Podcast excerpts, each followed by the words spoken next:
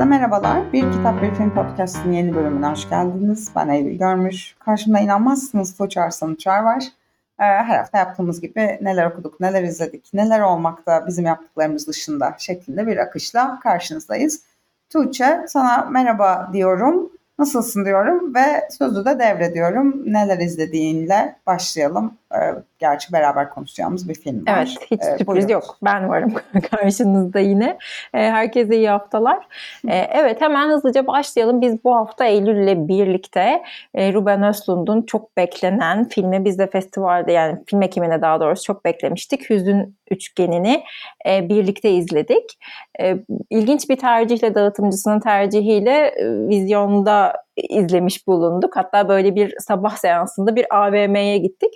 E, güzel de oldu gerçi. Tek başımıza oturduk. Sanki böyle evde izliyormuşuz gibi dev bir ekranda e, filmi izledik. E, hatta böyle filmin e, açılışı o kadar kuvvetliydi ki birbirimizi böyle dürterek wow seslerimizi hiç dizginlemedik. E, o yüzden böyle çok keyifli bir film oldu. Biz filme bayıldık özetle. Şimdi Eylül de zaten kendi fikrini e, ekler muhakkak. E, ben fikre bayı, e, filme bayıldım diyerek başlayayım.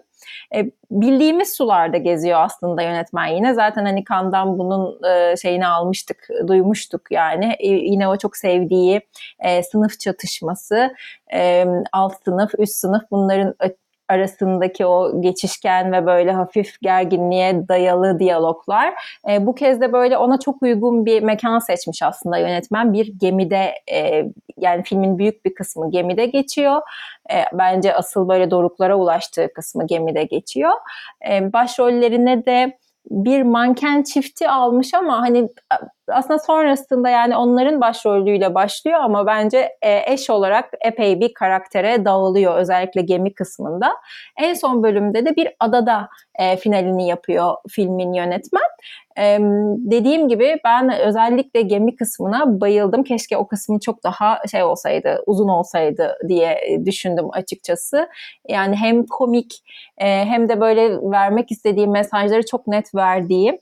E, hatta böyle yani onu bir yani grafik olarak da verdiği hatta böyle işte çok nefret ettiği o sınıf çatışmasının e, alt sınıf ve üst sınıf arasındaki o e, gereksiz ve uyumsuz gerginliği işte böyle dışkı metaforuna, e, kusmuk metaforuna vardıracak kadar net bir şekilde söyledi bize yönetmen. E, en sonunda da bir adada e, bitirdi. E, bu kısımda birazcık filmde iki buçuk saat olduğu için e, ben hafif bir düşüş yaşadım orada. E, çok yükselmiştim çünkü ikinci kısımda. E, ama gene de total olarak e, çok beğendim filmi e, ve aslında hani Cannes'da da büyük ödülü almasından çok hoşlandım. Genel olarak yani film ekiminde izlediğimiz Cannes filmlerine bakarak e, bence içlerinden epey bir sıyrılıyordu film. Diyerek Eylül sana bırakayım. Senin de yorumlarını e, alalım filmle alakalı. Teşekkür ederim. Ben kendi yorumumu yapmadan önce senin bir yorumunu hatırlatmak istiyorum. Ee, bizim Instagram hesabımızda filmle ilgili yazdığın şeyde komik haneke diye nitelemiştin Ruben Östlund'u. Bence bu süper bir yorumdu. Burada a, aklına gelmedi herhalde. Sana referans vererek bunu hatırlatmak istiyorum. Bence de öyle. Ee, ben daha önce de Square'ı izlemiştim. Ee, Force Majeure'u izlemedim. Sen onu da biliyorsun. Ee, ama aynı izlek yani böyle bir şey e, modern toplum e, ve burjuvazi eleştirisi. Orada biraz çağdaş sanat üzerinden yapıyordu bunu. Burada daha çok sosyal medya, görünürlük, işte o influencerlık falan dünyaları üzerinden e, aynı mesajı iletiyor. E, ben de çok beğendim. Yani evet katılıyorum son bölümde biraz düşüyor film ama yine de hani iki buçuk saatlik bir film için hani nasıl geçtiğini anlamadığım bir şeyle izletiyor. Çok kuvvetli. Yani gemi ikinci bölümün final sahnesi hakikaten bence böyle yani sinema yakın sinema tarihinin kült sahneleri arasına girecektir. Ee, çok e, böyle bir climax yani çok zirveye ulaşan bir şeyle orayı tamamlamıştı. Ee, genel olarak ya bence hem çok iyi çekilmiş hem derdini çok iyi anlatan hem çok komik ee, çok çok iyi bir filmdi. Yani gerçekten e, şey yani şey eleştirileri konuşuldu. İşte Ruben Östlund çok konforlu bir yerden konuşuyor. İşte beyaz İsveçli erkekler tabii ki eleştirirler e, burjuvaziyi ne kolay falan ama yani çok da katılmıyorum. Yani geçen hafta e, Farhadi meselesiyle beraber Orta Doğulu erkekleri de elediğimize göre elimizde ne kaldı yani? Ee, biraz Avrupalı e, tuzu kuru adamların da e, şeylerine ihtiyacımız var maalesef e, bu tür filmler çekmelerine. Ya vizyonda yakalamanızı öneririm. Yani bence sinemada izlemesi büyük perdede çok keyif veren bir filmdi. Ee, ben de çok beğendim. Ee, evet, ben oradan devam şey edelim. Bu, bu eleştiriye biliyorsun ben de hafiften katıldığımı söyledim ama bir taraftan da şunu eklemeden geçemeyeceğim. Ee, yani sonuçta Avrupalı beyaz adamların da bu konuya değinmesi gerekiyor açıkçası hem görünürlük açısından e, hem de bir şekilde yani bu mesele çözülmediği sürece e, bu da bir gündem olmaya devam edecek. Ki Ruben Östlund da böyle çok yaklaşılmayan bir yerden yaklaşıyor bence. E, tonu itibariyle o hafif kara mizah, dokundurmalar vesaire. E, o yüzden hani bence sineması iyi ki var. E, dediğim gibi ben hani artık böyle birazcık başka bir şey de görmek isterim kendisinden. Çünkü merak ediyorum e, o esprili dili ben başka şeyleri nasıl anlatacağını merak ediyorum. Ama diğer taraftan da bunu izlemekten çok keyif alıyorum diyerek ikinci izlediğim şeye geçeceğim. Bu hafta ben bir dizi izledim, mini dizi, Netflix dizisi. E, The Playlist, e, Spotify'ın kuruluş hikayesini e, anlatan e, Netflix'teki e, bir mini dizi bu şu anda.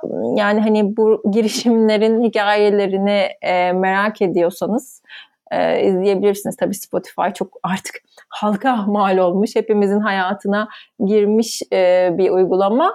E, ama şeyi hatırlamak güzeldi ve garipti bir taraftan. Yani Spotify öncesi e, dünyayı ben tamamen unutmuşum. Sanki hani böyle Spotify'ın yaptığı şey çok normal bir şeymiş. Spotify e, yani işte o hani müzik çalara böyle bastığın anda istediğin müziğin gelmesi falan çok doğal şeylermiş gibi sanki hayatımıza yerleşti. E, ama aslında bir düşününce ondan önce gerçekten e, dünya bambaşka bir yerdi yani müzik dünyası. E, biraz bu hikayeyi anlatıyor ama tabii o her zamanki e, bu büyük girişimlerin e, altındaki o işte biraz oyunlar, biraz o kirli dünya onlara e, giriyor. Güzel de bir e, izlek ortaya çıkarmışlar. Farklı farklı içerideki karakterlerin hepsinin gözünden e, izliyoruz şeyi Spotify'ın kuruluş hikayesini aslında o yılları. E, o yüzden de e, birazcık şeye de değinmiş oluyor yani aslında aynı hikaye ama herkes başka bir gözden ve kendi tarafından anlatıyor. E, ben genel olarak sevdim. Yani tabii ki bir hani böyle inanılmaz wow işte e, sinematografi neler izliyorum gibi bir şey çok da beklemenin bir anlamı yok. Bir Netflix dizisi e, ama güzel bir seyirlik. Yani böyle işte oturup bir hafta sonunda bitirebileceğiniz e, bir binge watch yapabileceğiniz bir e, eser diyeyim. The Playlist. diyerek e, başka da bir şey aslında e, izlemedim bu hafta bir şeyler okudum ama. Onlardan bahsedebilirim sana devretmeden önce. Ee, evet yani şey sadece söyleyeceğim. Ee, ya çok haklısın ya gerçekten. Ee, yani pitch player'larımız vardı. Onlara müzik indirirdik ki bu bile çok görece yeni bir şey. Onun öncesinde koca Discman'lar, öncesinde Walkman'lar. Hani böyle tatile giderken mesela şey yanında ne bileyim maksimum 10 tane kaset götürebilirdin Walkman'in var ise. O da yoktu zaten yani bizim çocukluğumuzda. Çok acayip bir şey bu. Bunu böyle düşününce hani nasıl bir e, zenginlik sunduğunu e, çok hiç bu açıdan düşünmemiştim. Çok enteresan geldi bana da bu söylediğin. E, neyse evet sen neler okudun? Dünya Bey neler okudular? E, Hemen ne ben de devralayım. Önce kendi e, diye kitapla başlayayım. Böyle yine bir şey geçelim. psikoloji kitabı vardı benim bu hafta elimde. E, bir Türk yazar Ferhat Jack İçöz'ün Kendin Olmanın Dayanılmaz Hafifliği. E, bu yine böyle bir psikoterapi yani kendisi zaten bir e, psikolog, psikoterapist. E, ama e, bir psikolojik kitabı olmaktan ziyade e, aslında varoluşçu felsefeyle psikolojiyi harmanlayan bir kitap. E, yani hani böyle bir varoluşçu felsefe sevenlerin de seveceği yani daha çok e, psikologların gözünden anlatmak yerine e, psikolojiyi varoluşçu felsefe üzerinden anlatan e, bir yazar. E, en azından bu kitabındaki yaklaşımı öyle, öyle söyleyeyim. E, o yüzden de böyle çok bildiğimiz konulara, hayatımızın içindeki konulara böyle minik başlıklar altında e, varoluşçu felsefeyle e, inceliyor yazar, e, psikolog. E, o yüzden böyle benim hani sevdiğim biri zaten takip etmekten de hoşlandığım işte bir sürü de ilgilileri için hani söylemiş olayım e, sadece psikologlara değil dışarıdaki alanlara da e, verdiği eğitimleri var. Ferhat Bey'in. Şey ilgilenenler bence bir incelesinler. Ee, benim elimde bu vardı. Dünyanın da tabii ki çok şey vardı ama bu hafta dünya için e, seçtiğim kitap, okuduğumuz kitaplardan biri e, Ver Elini kitabı. Meav yayıncılıktan çıkıyor. Bu da yine çok sevdiğim bir e, çocuk kitapları basan bir yayın evi. Burada da böyle çok özel kitaplar basılıyor genel olarak. İşte böyle hayvan kurtarma gibi, bu Ver Elini gibi değişik yani sadece şey değil hani e, yazın üzerine değil görseli de çok kuvvetli genelde kitapları var. Çocuk kitapları var. Çok sevdiğim bir yayın evi. E, Giuliano Ferri'nin Ver kitabını bu hafta dünya için seçtik.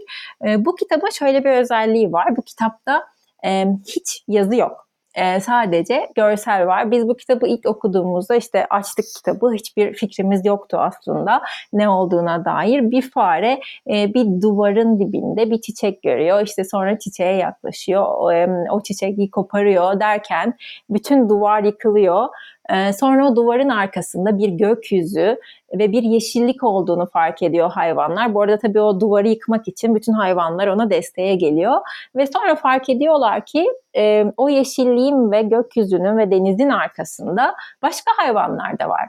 Sonra e, bu duvardaki tuğlaları alıp onlarla hep birlikte bir köprü örüyorlar ve hayvanlar birbirine kavuşuyor. E, böyle bir hikaye yani çok etkileyici bir, bir hikaye. Biz bunu böyle her okuduğumuzda hatta artık bir çocuk kitabı olmaktan çıktı bizim için. Eve gelen arkadaşlarımızla okuyoruz. Herkes böyle wow deyip böyle bir gözyaşını siliyor hikayenin sonunda.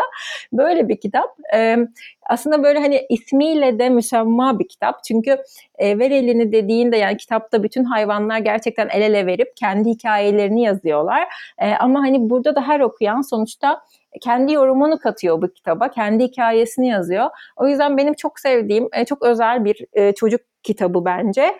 Bu hafta da dünyanın kitaplarında bundan bahsetmek istedim. Ver eline diyerek sözü sana devredeyim. Ne tatlı ya. Bu dünyanın kitapları kısmı çok iyi oldu. Ee, içim açılıyor benim de dinlerken. Yani okumasam bile senden dinlemek böyle küçücük masal dinliyorum gibi oluyor. Ee, çok teşekkür ederiz. Ben kendi okuduklarımı e, anlatayım. Yine e, çok var. Geçen haftaki tatilin çıktılarını anlatmaya devam ediyorum. Yine tamamını anlatmayacağım. Artık haftaya tamamlarım. Şimdi ilk önce e, Sinek Kuşu, Sandro Veronese'nin kitabı, e, İtalyan yazar. E, Eren Yücesen Cende çevirisiyle yayınlanmıştı can yayınlarından. Şimdi bu e, Sinek Kuşu benim bu sene okuduğum en güzel birkaç kitaptan biri e, olarak e, yerini aldı. E, çok ama çok severek, olağanüstü bir haz alarak okudum. E, ve yani şöyle e, benim zaman zaman çok sevdiğim kitaplar oluyor ama herkese de ay bunu hepiniz okuyun hadi ne olur demiyorum. Çünkü yani zor olabiliyor. Ben başka bir tarafından yakalamış oluyorum. Bazı kitapların herkese çok kitlesel bir ses veremeyeceğini düşünüyorum falan. Ama bu onlardan biri değil. Bu gerçekten haydi lütfen ne olur beraber okuyalım hepimiz dediğim o kitaplardan biri. Ee, bir e, Marco isimli bir e, adamın e, hayat hikayesini okuyoruz. Bir ailenin dağılma hikayesiyle başlıyor. Zamanda böyle ileri geri giderek böyle bir 70 yıllık hayat hikayesini anlatıyor. Çözümlendikçe düğümleniyor biraz ve çok dokunaklı ve çok zarif yazılmış bir kitap bu. Böyle mektuplar, mesajlaşmalar, e-postalar falan da var aralarda. Yani işte aileye, romantik ilişkiye, bağlara, bağımlılıklara, sevmenin biçimlerine, mutluluk fikrine ve mutsuzluğa dair çok böyle süssüz ve çok incelikli e, konuşan bir kitap. E, gerçekten çok çok içime e, işledi benim. E, yani edebi lezzetin ötesinde e, yani hem o hem kolay okunuyor hem edebi bir lezzeti var hem insanın kalbine işliyor. Ya yani bence çok e, bunu becerebilen çok kitap yok. O yüzden çok sevdim Sinek Kuşu'nu. E, ilk kitap bu olsun. E, ardından Arjantinli yazar Juan Jose Sayer'in e, Kimsesiz kitabını okudum. E, bu da e, çevirmenini Gökhan Aksay çevirisiyle yayınlanmıştı Jaguar'dan. Ee, Juan Jose Sayar e, Arjantin Edebiyatı'nın mühim isimlerinden biri. Bu kitap da böyle 150 sayfa minik bir kitap ama aslında oldukça zor bir kitap. e, bir anlatıcımız e, 10 sene boyunca bir yerli kabilesinin yanında kalıyor. Yani aslında tutsak gibi ama değil gibi falan. Üstünden 60 sene geçtikten sonra geri dönüp bu olayı anlatıyor. E, 1800'lerde bu arada olay geçiyor. Hatta 1700'ler olabilir. E, bir şey Hint adalarında oluyor e, o hadise. E, bu mesela zor bir kitap. Çok fazla eğretilemesi var. Zaman zaman çok felsefi didiklemelere dalıyor. insan doğasına dair, dile dair, e, böyle etimoloji, o yerlerin dili, onların da tek kelimenin birden fazla anlama gelmesi falan gibi meseleler üzerinden böyle neredeyse bir dil antropoloğu titizliğinde didikliyor konuları. Ee, bazı bölümleri durup böyle yeniden okuma ihtiyacı duyuracak kadar zor da okuması ama çok e, ilginç ve böyle aklımda yer eden bir kitap oldu bu da. E, ardından e, yine Jaguar'dan çıkan Clark Egan'ın Emanet Çocuğunu okudum. Behlül Dündar çevirisiyle. Clark Egan'ı anmıştık e, birkaç hafta önce. Yeni kitabı yine Jaguar'dan e, çıktı. E, Booker ödülünün e, kısa listesinde yer almıştı e, son kitabı. E, kitabın adını şu anda hatırlayamıyorum. birkaç bölüm önce konuşmuştuk. Ha böyle küçük şeyler kitabın adı. Bu da daha önceki kitaplarından biri Emanet Çocuk. Bu da çok tatlı, hoş bir kitap. Minicik zaten yani böyle 70 sayfa hani bir iki saatte okursunuz. 1980'lerin başında İrlanda kırsalında geçen bir hikaye. Bu küçük bir kız çocuğu yaz aylarını geçirmesi için ailesi tarafından çocuksuz bir e, şeye çifte e, veriliyor. Onların yanında geçirdiği 3 ayı küçük kızın ağzından okuyoruz. Ee, çocukların ağzından yazabilmek zordur. Bence çok iyi kotarmış Claire Keegan e, bu, bu işi. Böyle minicik detaylar, o kızın o aileye sahiplenme şey arzusu, onların ona sundukları çok böyle naif ve böyle iç burkan ve böyle şefkatli bir kitaptı bu da. Ee, Clark Egan'la tanışma kitabım oldu benim. Ee, diğer kitaplarını da okuyacağım. Mavi Tarlalardan Yürü özellikle çok önerilen kitaplarından biri. E, ardından e, İngiliz yazar Penelope Fitzgerald'ın e, Salapurya Mahallesi kitabını okudum. E, bu kitap vaktiyle çok ama yıllar önce e, 70'ler falan olmalı belki de 80'ler e, Booker ödülü almıştı. E, Salapurya Mahallesi bu da bu arada can yayınlarından çıktı. Sibel, Sibel Sakacı çevirisiyle.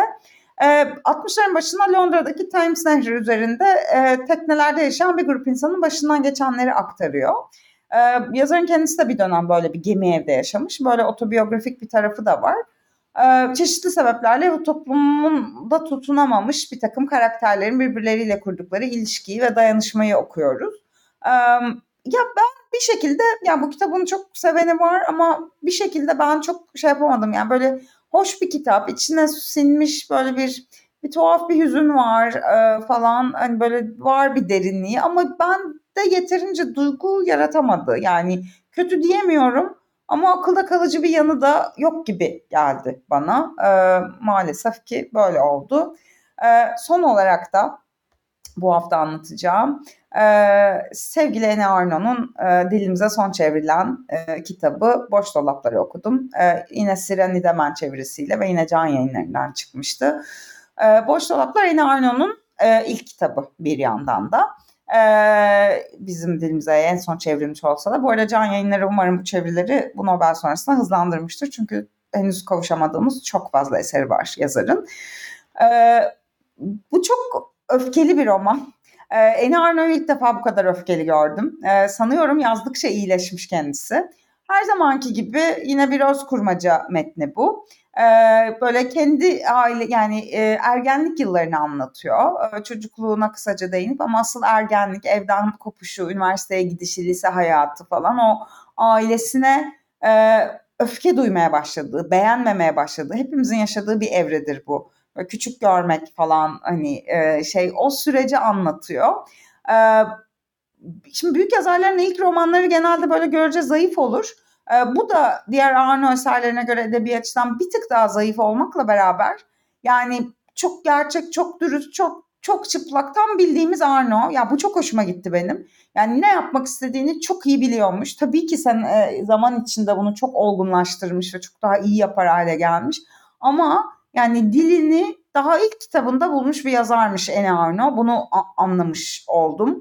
Normalde daha konvansiyonel yazmaya başlar yazarlar. Sonra kendi üsluplarını, yönlerini bulurlar. Arno öyle değilmiş. Ee, ben çok beğendim bu, bu kitabı. Yani hani seçemeyeceğim en sevdiğim Arno hangisidir falan filan diyemeyeceğim ama o e, kendisini kuşatan ilerideki daha sonraki eserlerinden tanıdığımız o sınıf atlama arzusunu e, ve o ailesinden duygusal kopuşunu çok böyle zaman zaman acımasız gaddar bir şekilde anlatıyor.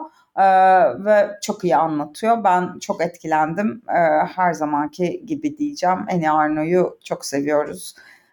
Benim okuduklarım da bu şekildeydi. Zaten bayağı bir konuştum. Eğer bir yorumun varsa duymak, eğer yoksa da bize e, bu ara vizyonda, dijital platformlarda vesaire neler gelmiş bu hafta? Onu Öyle bir söyledin ki yorum olsa da söyleyemem şu anda. Açıp, hani bir sorun varsa söyle, sonsuza kadar sus gibi oldu.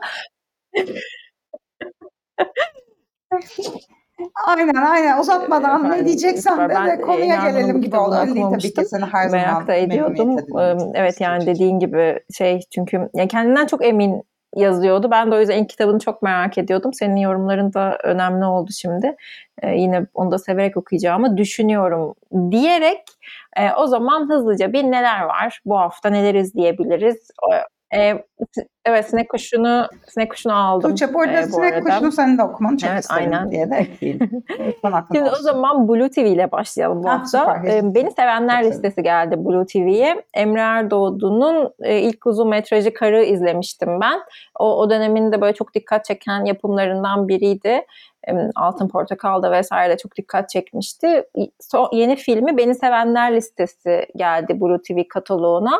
E, ben henüz izlemedim ama benim de izleyeceklerim arasında bu film. Çünkü hani Emre Erdoğdu'nun sinemasını merak ediyorum açıkçası. Takip etmek istiyorum. E, başrolünde de Halil Babür var.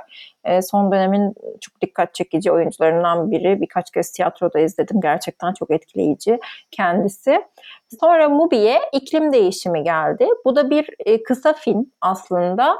Başrolünde Nezaket Erden var ki bizim kendisi sevgili Arsız Ölüm Cirmit'ten bayıldığımız bir oyuncu. Son dönem e, Türkiye sinemasının, Türkiye tiyatrosunun e, çok dikkat çeken kadın oyuncularından bir tanesi. E, burada da böyle bizim aslında e, alışık olduğumuz bir hikaye. Son dönemde çok sıkça duyduğumuz Türkiye'den Londra'ya taşınan bir genç kadının yaşadıklarına odaklanıyor. Bu film şu anda bir kısa film olarak Mubi'de kataloğunda yer alıyor.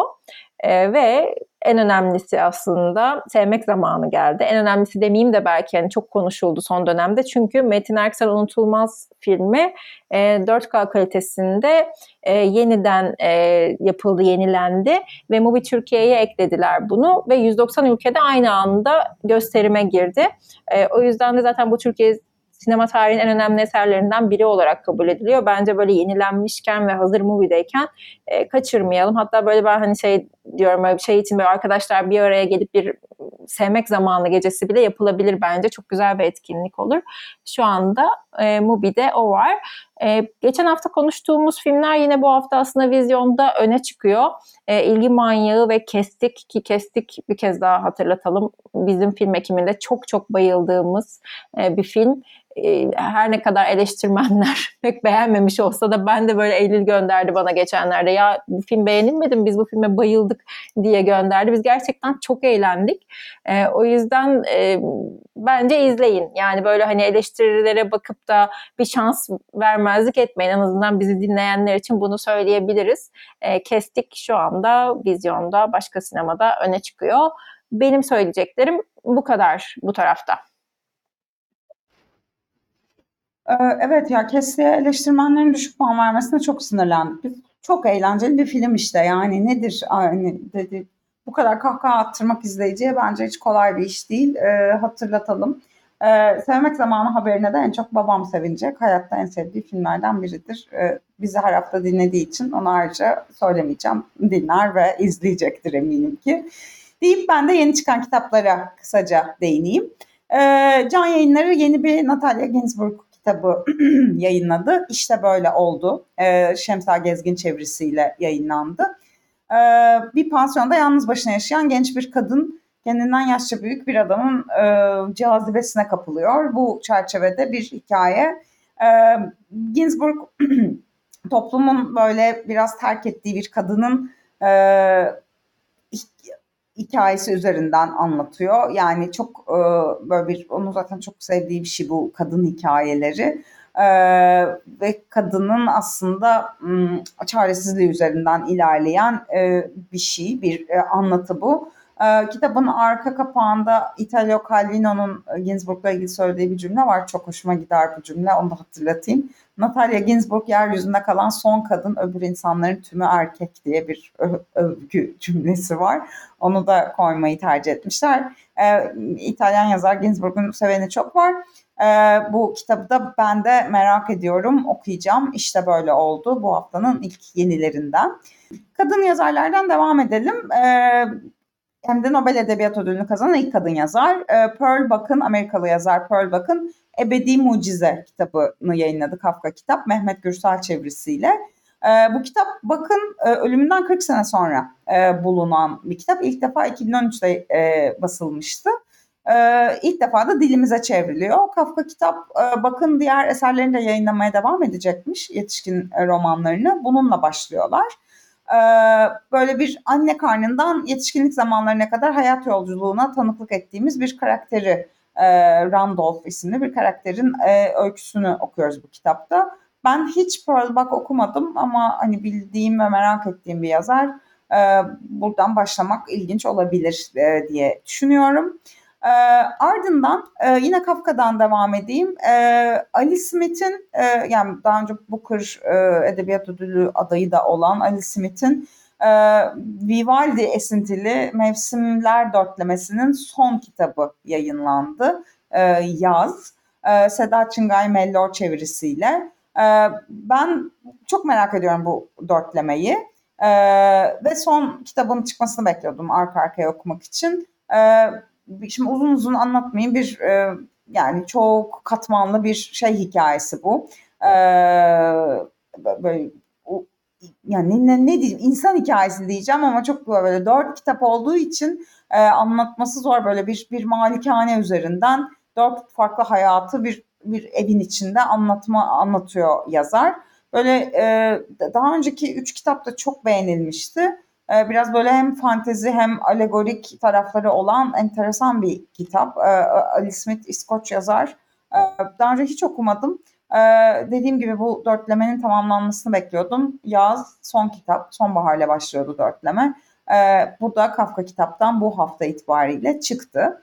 Ee, Everest'te e, Anne Quine'in 3 isimli kitabı e, var yenilerde. Anne Quine e, İngiliz yani e, avantgard edebiyatının önemli ve az tanınan isimlerinden biri aslında. Ben de daha önce okumadım.